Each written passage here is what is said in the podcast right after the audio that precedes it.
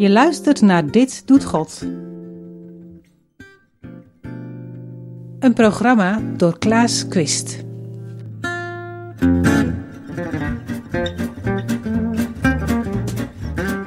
Heb je een stem gehoord? Ik heb geen stem Een gehoord. engel gezien? Ik heb geen engel gezien. Wat is er dan gebeurd?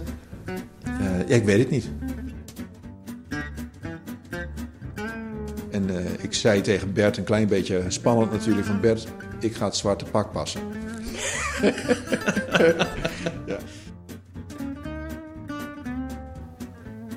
Van harte welkom, fijn dat je luistert.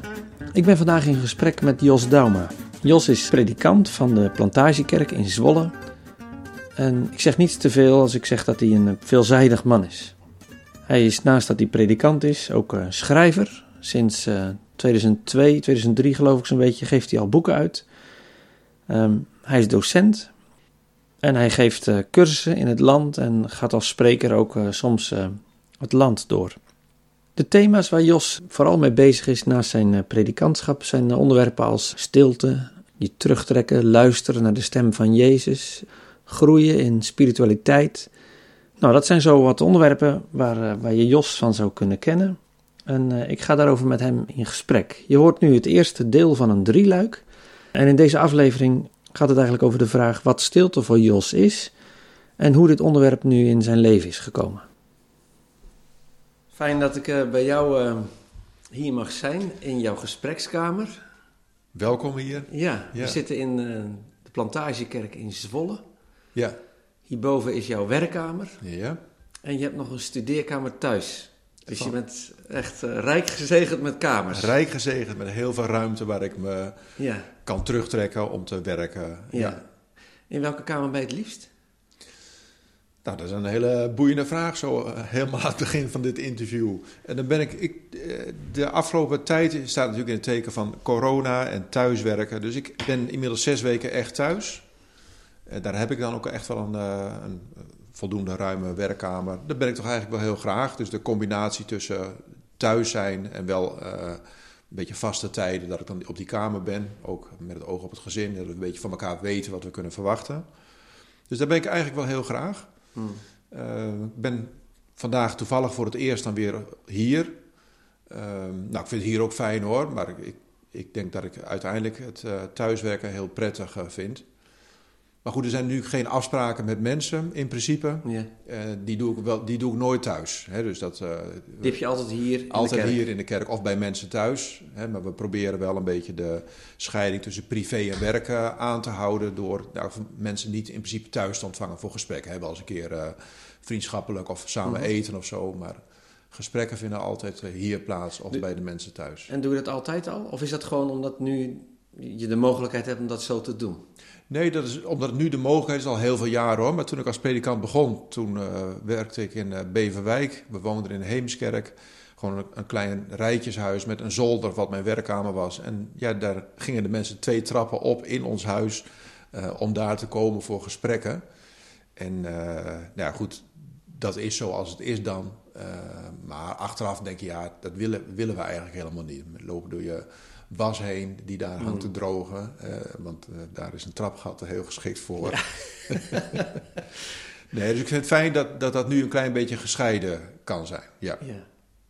En in welke kamer vind je de meeste rust? Eh, dat is de kamer hierboven. Hè. De luisteraar weet dat natuurlijk niet, want die ziet het allemaal niet. Maar we zitten hier in een vrij smal pandje naast de plantagekerk. Vroeger was het een kosterswoning. Eh, nou, al heel wat jaren geleden, 15, 20 jaar geleden, is dat wat omgebouwd tot een aantal werkkamers. Eh, op de eerste verdieping zitten we nu in een ruimte van eh, nou, drie bij vier of zo. En daarboven zit nog een ruimte. Die is wat lager, er zit een stukje schuin dak in. En daar heb ik dan ook een heel klein hoekje ehm, waar een fijne stoel staat, waar ik stille tijd heb of waar ik probeer stil te worden. Dat is eigenlijk wel de plek waar ik dan het liefst ben. Ja. Ja, liever nog dan je werkkamer aan huis. Ja, werkkamer, eh, want ik heb hierboven eh, is het eigenlijk in tweeën ingedeeld. Ja. Eh, en het kleinste stukje staat alleen maar een stoel. Ehm, en daar zijn verder geen afleidingen. Hè. Wat het uh, lastige is van een gewone werkkamer, is dat er altijd een computer staat te lonken. Hè. Er is altijd wel een mailtje om te beantwoorden. Ja. Um, hè, dus dat stukje hierboven is de meest prikkelarme plek. Uh, waar het het beste lukt om dan ook echt wat langere tijd uh, stil te zijn. Ja. ja. Ik vroeg mij toen ik hier naartoe reed af: wat is stilte nou eigenlijk? Hoe zou jij dat nou definiëren? Want stilte, rust, hè, dat zijn begrippen die ik vrijwel direct aan jou koppel, omdat je daar al jaren met die thema's bezig bent. Wat is stilte voor jou? Stilte is voor mij uh, primair, maar goed, daar is natuurlijk veel meer over te zeggen, maar ik, ik begin even bij stilte is minder woorden. Um, ik merk uh, in mijn eigen leven, maar ook in het kerkelijk leven, dat we natuurlijk altijd aan het praten zijn. We zijn aan het uitleggen, we zijn aan het preken. Dat doe ik ook allemaal met plezier. Maar ik heb de loop van de jaren wel gemerkt dat ik een beetje moe ben geworden van al die woorden. Steeds maar weer woorden, steeds maar weer preken, steeds maar weer gesprekken voeren, steeds maar overal wat van vinden. Um, en stilte is voor mij dan primair dat er minder woorden zijn. Kijk, helemaal stil is echt heel moeilijk. Ook van binnen is dat heel moeilijk. Hè? Er zijn mhm. altijd gedachten. Ik ben uh, een cursus aan het geven momenteel. En die via een online cursus. En in die cursus uh, word ik ook weer een beetje gedwongen om weer wat meer woorden te geven aan uh, wat dat nou is, stilte en rust. En um, nou, een, een manier om daar tegenaan te kijken is uh, dat ik graag op weg ben naar de stilte. He, stilte is misschien wel een, een soort eindpunt, dat het echt stil is geworden om je heen. Dat is soms al een hele klus. Uh, maar als het dan om je heen een beetje stil is, dan merk je dat het van binnen nog heel erg onrustig is. Er zijn allerlei gedachten, allerlei gevoelens, allerlei herinneringen, allerlei dialogen die je aan het voeren bent met mensen in die stilte. Uh, want daar heb je opeens tijd voor om tot je door te laten heen. Wat is er, wat is er gisteren eigenlijk gebeurd? Ja. heb je iets gehad met iemand, denk je van, wat, wat, was dat nou eigenlijk? Nog niet de tijd gehad om daar echt op te reflecteren. Dus dat komt er allemaal boven. En uh, stilte is voor mij dat je, dat je op weg gaat naar de stilte. Um, als, als je normaliter uh, een, woorden hebt en zinnen en gedachten op, op niveau 10, om zo te zeggen... Ja dan is op weg gaan naar de stilte, maar eerst maar eens op, op weg gaan naar niveau 7 of zo. Ja, dan ben je al een stapje op weg naar de stilte. Kijk, nul, dat zou zijn dat het echt helemaal stil is. Nou, dat is een, denk ik een heel erg unieke ervaring. Ik denk dat ook een monnik in het klooster zal zeggen, nou, ik weet eigenlijk niet of ik daar ooit wel geweest ben. Maar ik ben wel op weg naar de stilte. Ja, vanuit bepaalde geloofstradities, ik moet even denken aan het boeddhisme, is dat natuurlijk het, het ultieme, hè? Dat het helemaal stil is. Ja. Daar ben je niet naar op zoek, naar die volledige stilte, ook in jezelf. Nou, volledige stilte. Hè, bij, bij het boeddhisme, ik ken het onvoldoende hoor, maar is stilte misschien ook wel leegte? En dat gaat, ik, ik zou niet graag in de leegte terechtkomen. Ja, ja. Um, stilte blijft denk ik altijd relatief. Ja. Um, dus primair is het voor mij toch eh, dat er minder woorden zijn, of dat je je aandacht focust op maar een paar woorden of één korte zin uit de Bijbel bijvoorbeeld. Ja. Um, is, is stilte dan eh, wat een van de psalmdichters zegt? Volgens mij is het psalm 131. Je ziel tot rust brengen. Is dat wat je bedoelt? Uh, ja, zeker. Ziel is daar een heel belangrijk woord bij. He, wees stil, mijn ziel, wees stil. Dat is ook de titel van die online cursus. Ja. Um, dat je allereerst maar eens ontdekt dat die ziel dus helemaal niet stil is. Moet niet voor niks opgeroepen worden. Of, he, wees stil, mijn ziel, wees stil. Moet je eerst nog een beetje ontdekken wat is ziel eigenlijk. -huh. want daar zijn we ook wel eens een beetje vergeten natuurlijk. We zitten heel erg in ons hoofd. Zijn heel erg aan het nadenken, heel erg aan het overal wat van vinden, overal oordelen over hebben. Eh, maar ziel, ergens in ons is een, ik noem het graag een binnenruimte. Ergens in ons is een binnenruimte. En daar is de plek, denk ik, waar God ons ontmoet. Maar goed, daar is zoveel lawaai. En uh, dan is het belangrijk om, te, om, om stappen te zetten op weg naar die stilte. En dat kan door gewoon eerst maar eens los te... Nou, eerst maar eens te erkennen dat al die gedachten er zijn. Kijk, als je er meteen tegen gaat vechten, dan is het een uh, verloren zaak. Hè? Als je ergens tegenaan gaat duwen, gaat het harder terugduwen. Ja. Dus het is gewoon goed om het eerst maar te laten zijn. Eerst maar te accepteren, ja, het is heel erg onrustig in mij. En nou, door het accepteren daarvan heen... kun je denk ik wel op een plek komen dat je dat wat los kunt laten. Mm En dat je nou, zegt ik, ik wil niet met al die gedachten bezig zijn. Laat ik mijn aandacht focussen op bijvoorbeeld één psalmvers. ehm, of, of een zinnetje, hè? wees stil, mijn ziel, Ja. wees stil. Ja. En om daar dan maar een beetje omheen te blijven eh, cirkelen, erover nadenken. Maar op een gegeven moment ook dat erover nadenken loslaten. Gewoon maar alleen maar er zijn. Ja. Voordat we daar wat dieper op ingaan en straks over je cursus eh, met elkaar spreken. Eh, eerst maar eens even, eh, ik, ik zei net, ik associeer jou direct met woorden als stilte, rust, eh, aandachtig lezen, lectio divina, contemplatie, meditatie. Hè, dat zijn allemaal Ja, woorden, waar- woorden, als, ja. ik, als, ik, als ik deze woorden tot mezelf spreek, nou associeer ik dat ook wel met jou. Of andersom gezegd, als ik aan jou denk, komen deze woorden in mij naar boven. Ja. Ehm, dat doe je al jaren. Ja, Kun je eens teruggaan naar het begin eh, in jezelf toen je dacht, ja, maar dit, dit, dit komt mij op het spoor. Of dit is aan me blijven kleven. Of dit heb ik ontvangen. Ik weet niet hoe je het noemen zou, maar weer eens teruggaan naar, naar dat begin. Hoe, hoe was dat? En dan ga ik terug naar het eh, studentenhuis waarin ik woonde, Hmm. in eh, Kampen. Ik ben in 1986 heb ik VWO-examen gedaan. Toen ben ik eh HEO economisch linguïstisch gaan doen in Enschede. Dat had je toen nog, ja. Ja, dat had je toen nog. Ja. En daar kwam ik, eh, hè, economisch linguïstisch, hè, dus economie en talen daar was dat. Ik wist eigenlijk helemaal niet wat ik wilde. Ik, ik had me altijd prima thuis gevoeld op het VWO. Gewoon prima. Ik had ook niet overal een duidelijke mening over. Hè. Een beetje, eh, nou ja, kleurloos is een beetje een lelijke woord. Maar hè, stond nog helemaal ja, open. ik stond helemaal open, zou ik Alles kunnen kon. zeggen. Alles kon. Dus ik koos voor een opleiding waarvan ik dacht, nou, dat is wel een redelijk brede opleiding. Hè? Economie en talen, dat ervoer ik als wel redelijk breed. Dus laten we dat maar gewoon doen. Dus een, eh, nou ja, uiteindelijk maar vier, vijf maanden dat echt gedaan, denk ik. Omdat ik al vrij snel achterkwam dat het toch niet bij me paste. Het was vooral heel erg veel economie. Ehm, en ja, daar had ik eigenlijk niet eens over nagedacht. Ik was denk ik vooral voor de talen gegaan. Maar goed, er, kwam een proces op gang waarin ik dacht van ja, dit is, dit is niet wat ik wil. Eh, toen is daar eh, een, een, ja, een proces op gang gekomen. Hè, dat is allemaal in 1986 eh, geweest. waarvan de uitkomst was, ik ga theologie studeren. Dan moet jij natuurlijk vragen, ja, wat is daar gebeurd? Nou? Wat is daar gebeurd? Ehm, ik had tijdens mijn VWO-tijd al wel eens overwogen om theologie te gaan studeren. Ja. Eh, mijn ouders hadden mij in alle vriendelijkheid, want ze hebben op geen enkele manier daar druk op uitgeoefend, maar ze hebben wel in alle vriendelijkheid een keer gezegd van Jos, als een van onze kinderen, ik kom uit een gezin met acht kinderen, zeven jongens, één meisje, Ja. Ehm, ja, als er dan één eh, aanleg heeft om theologie te gaan studeren, dan ben jij dat.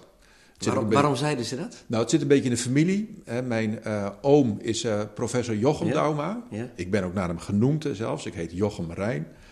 Ehm, en een andere oom, Okke Jan, mijn oom eh, Okke, die was ook predikant. Dus dat een beetje in de familie. Ehm, maar goed, ik heb dat zelf nooit als druk ervaren hoor. Dat vind ik wel belangrijk om dat erbij bij te zeggen.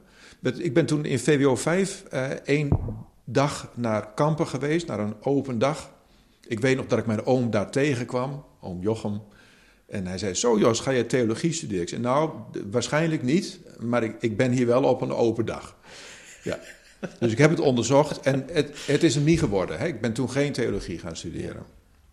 En toen heb ik dus een, een, een aantal maanden HEO economisch linguïstisch. En toen is dat toch weer een beetje gaan, eh, ja, een beetje gaan- kriebelen. ja. ja. Ja. Ehm, dat is een proces geweest wat, wat, wat ik niet helemaal helder heb. Ehm, ik weet wel, toevallig, ik vertel het laatst nog een keer aan eh, mijn vrouw Joke. Die, vro- die vroeg me wat is er toen eigenlijk gebeurd. Ik vertel het ook niet zo heel vaak. Ik vind het, eh, ja, ik vind het ook niet zo heel erg interessant, denk ik. Eh, maar goed, het komt nu ter sprake. Ja. Ehm, eh, ik weet wel dat we waren in die tijd, hè, was ik wel in de studentenvereniging VGST, we waren wel al met allerlei ethische, spirituele geloofsthema's bezig. Vond ik wel leuk, ik merkte dat ik daar wel lol aan had. Ehm, Je debatteerde graag. En je Ja, dacht dat- graag ja, na. dat Ja. was, ja, dat was het wel. Debatteren, nadenken, reflecteren, beschouwen. En, en toen is het toch op een gegeven moment, eh, dat- het was in, in- om precies te zijn, in de nacht van eh, 29 op 30 december eh, 1986 eh, dat ik wakker werd en dat het voor mij volkomen helder was dat ik theologie moest gaan studeren. Heb je een stem gehoord? Ik heb geen stem gehoord. Een engel gezien? Ik heb geen engel gezien. Wat is er dan gebeurd? Uh, ja, ik weet het niet. Uh, soms is er een intuïtie, een, uh, een idee, een, een, iets wat zich met een bepaalde klaarblijkelijkheid ja. zich aandient. Um, hè, dus ik werd wakker. En ik, ik was natuurlijk al een beetje aan het worstelen met mijn studie, hè, want dat, dat was niet wat ik ja. wilde. Het zat ook wel ergens in de achterhoofd, theologie studeren. Maar ik, ik weet niet eens of ik het wel theologie studeren noemde toen. Want ik kan me nog herinneren dat de volgende dag... Uh, ik woonde met een paar jongens in huis, bevriende heren. Uh, Bert was dat. We stonden af te wassen. En ik zei tegen Bert, een klein beetje spannend natuurlijk... van Bert, ik ga het zwarte pak passen. ja. Ik weet niet waar ik die uitdrukking vandaan haal hoor. Uh, maar ik, ik, ik wilde primair toch wel dominee worden. Ja, ja. Hoewel ik daar helemaal geen beeld bij had hoor. Want, nou, een zwart pak. Ja, dus, ja precies, ja. nee, dus ik, ik wilde het dominee gaan worden. Um, heb toen mijn studie afgebroken. Uh, je had toen nog de vooropleiding, die duurde nog twee jaar. En uh, ik heb toen heel hard gewerkt, want ik, was, ik liep natuurlijk dan een half jaar achter. En ben door zelfstudie uh, heel hard gaan uh, werken om nou, dat Latijn en Griekse met name in te halen. En in nou, mei ongeveer kon ik instromen. Dus had ik keihard gewerkt. Hè. ik had eigenlijk vier maanden achterstand ingehaald. Ik had ook een lijkbleek kopie, herinner ik me wel een beetje in die tijd. Dus erg veel gestudeerd. Maar goed, toen kon ik uh, instromen bij die groep van de vooropleiding. En daarna kwam er nog een jaar vooropleiding. Dat, dat was natuurlijk heel makkelijk, want dat was uitgesmeerd over een heel jaar. Ja. Dus uh, het was een prachtige tijd hoor. Uh, mooie contacten met de medestudenten. Dus toen is de ja, theologiestudie begonnen. En, en toen is ook al ergens stilte, rust in jouw leven mee ja. ingestapt of zo? Ja, wel ietsjes later. Hè, want uh, je, inderdaad, je stelde die vraag, waar kwam dat vandaan? Nou, in mijn studentenhuis. Ik ben toen in Kampen gaan wonen. En ja, het moet toch wel vrij in het begin geweest zijn dat ik daar woonde. En dat ik dus met de vooropleiding bezig was. Uh, het was een uh, huis waar zeven studenten woonden. maar er stond een kamer leeg. Op dezelfde verdieping waar ik zat, stond een kamer leeg. Uh, en ik dacht, dat is mooi, zo'n lege kamer met alleen een bed erin. Ik ga op dat bed zitten en uh, ik ga nou, meditatief de Bijbel lezen. Dat was altijd al wel een, een zekere verlangen. Uh, ik had ook een jeugdvereniging, of we hadden samen een jeugdvereniging in mijn Meppelse tijd. En daar kwam ik ook al wel vaak met de vraag van... Ja, jongens, we zitten hier wel weer te discussiëren... Maar wat, wat betekent deze tekst nou voor ons persoonlijk? Dat was toen een vernieuwende vraag hoor, in mijn traditie. Hè. Dat was toch heel erg gericht op het uitleggen van teksten. Wat betekent het precies? Maar dat bevredigde me niet. Dus ik, ik was al vrij snel bezig met uh, dat we op zijn minst aan het einde van de avond de vraag stelden.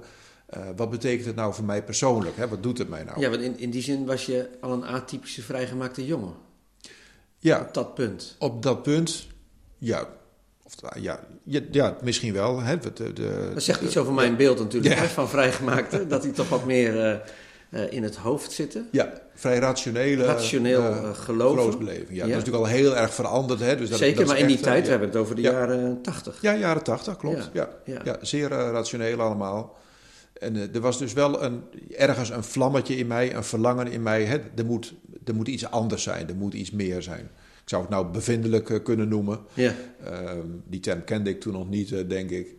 Um, hè, maar wel die vraag van wat, wat zegt God nou door zijn woord nu? Hè, niet wat betekent dat woord toen in die context? Wat heeft de auteur ermee bedoeld? Al die uh, vragen die allemaal hun eigen waarde en relevantie hebben. maar die toch eigenlijk een beetje in de lucht blijven hangen als niet ook de vraag komt... Um, maar wat wil God door dit woord dan nu, vandaag tegen ons zeggen? En wat gaan we daarmee doen? Ja, dus dat, is, uh, dat was al wel een, een rood uh, draadje in mijn leven, denk ik.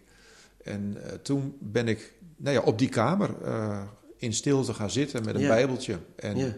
ja, heb een beetje mezelf leren mediteren, denk ik. Ja. En sprak je daar met je omgeving over? Dat weet ik eigenlijk niet. Ik, ik denk het niet. Je was vooral nog zelf aan het ontdekken. Ik was denk ik zelf aan het ontdekken, ja.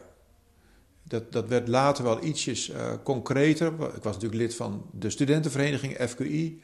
En daar had je weer disputen. Ik was lid van het dispuut Nautilus. Um, en binnen dat dispuut moest je om de zoveel tijd moest je een keer een soort uh, ja, toespraak houden. Een, een lezing. Um, en mijn eerste lezing uh, binnen dat dispuut ging over de vraag: hoe bereid ik mij voor op het heilige avondmaal? De zelfbeproeving. Nou ja, waar dat nou precies vandaan komt. Dat, Je raadt mij een vraag. Vertel hoe. Komt, maar je weet het niet. Het is ontvangen. Ja, ik denk dat het ontvangen is. Ja. ja, ja. Dus daar heb ik een verhaal over gehouden. En in, in dat verhaal kwam ik op het spoor. Kijk, in het klassieke avondmaalsformulier word je opgeroepen tot zelfbeproeving. Ja. En dan moet je je zonden overdenken. Hè? Nou, ja. zonden, dat vond ik altijd een beetje een ingewikkeld verhaal. Maar het overdenken, dat sprak, sprak me aan. Ja, ja, ja. En ik ontdekte ook dat daar eigenlijk dat woord mediteren wordt gebruikt. Uh, ik ontdekte dat ook in de Dorse leerregels op een paar plaatsen gesproken wordt over het overdenken van Gods woord, het mediteren van Gods woord. En dat was voor mij het aanknopingspunt om later, het zal een jaar later of een half jaar later geweest zijn, nog eens een verhaal te houden. En dat ging echt over wat is mediteren. Dus dat is wel de, de eerste zeer concrete uh, moment uh, waarop dit thema zich uh, nou, aandiende en het heeft me nooit meer verlaten.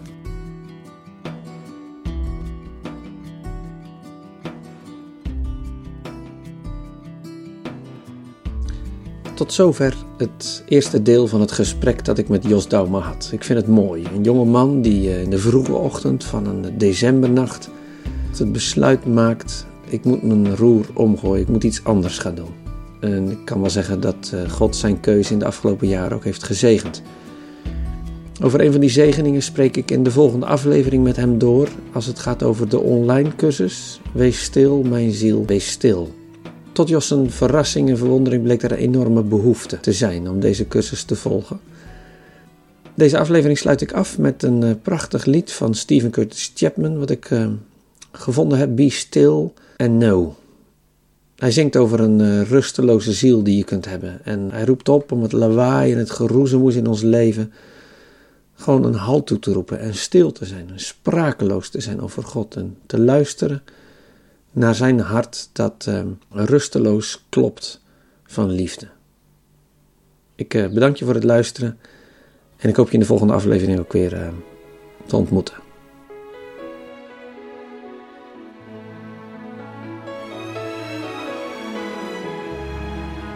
Maar het effect van deze cursus is volgens mij al vele malen groter dan al die preken bij elkaar.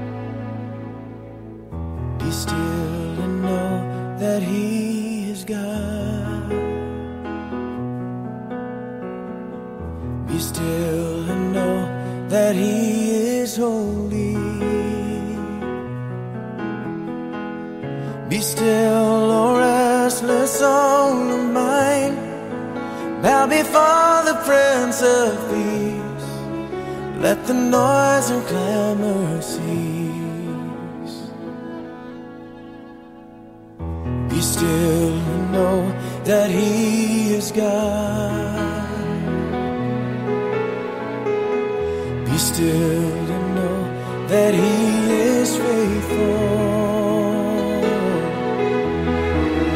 Consider all that He has done. Stand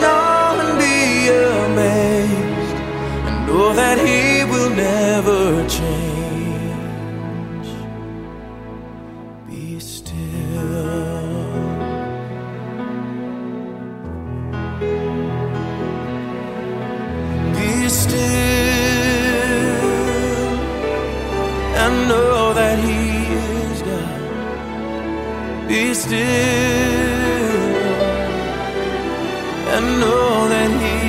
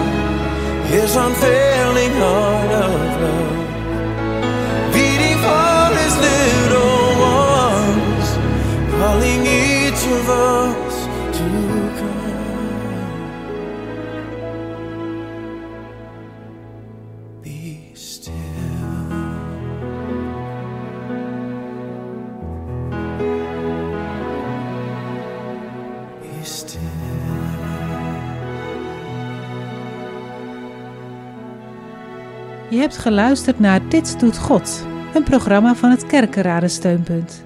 Ga voor meer inspiratie naar ditdoetgod.nl.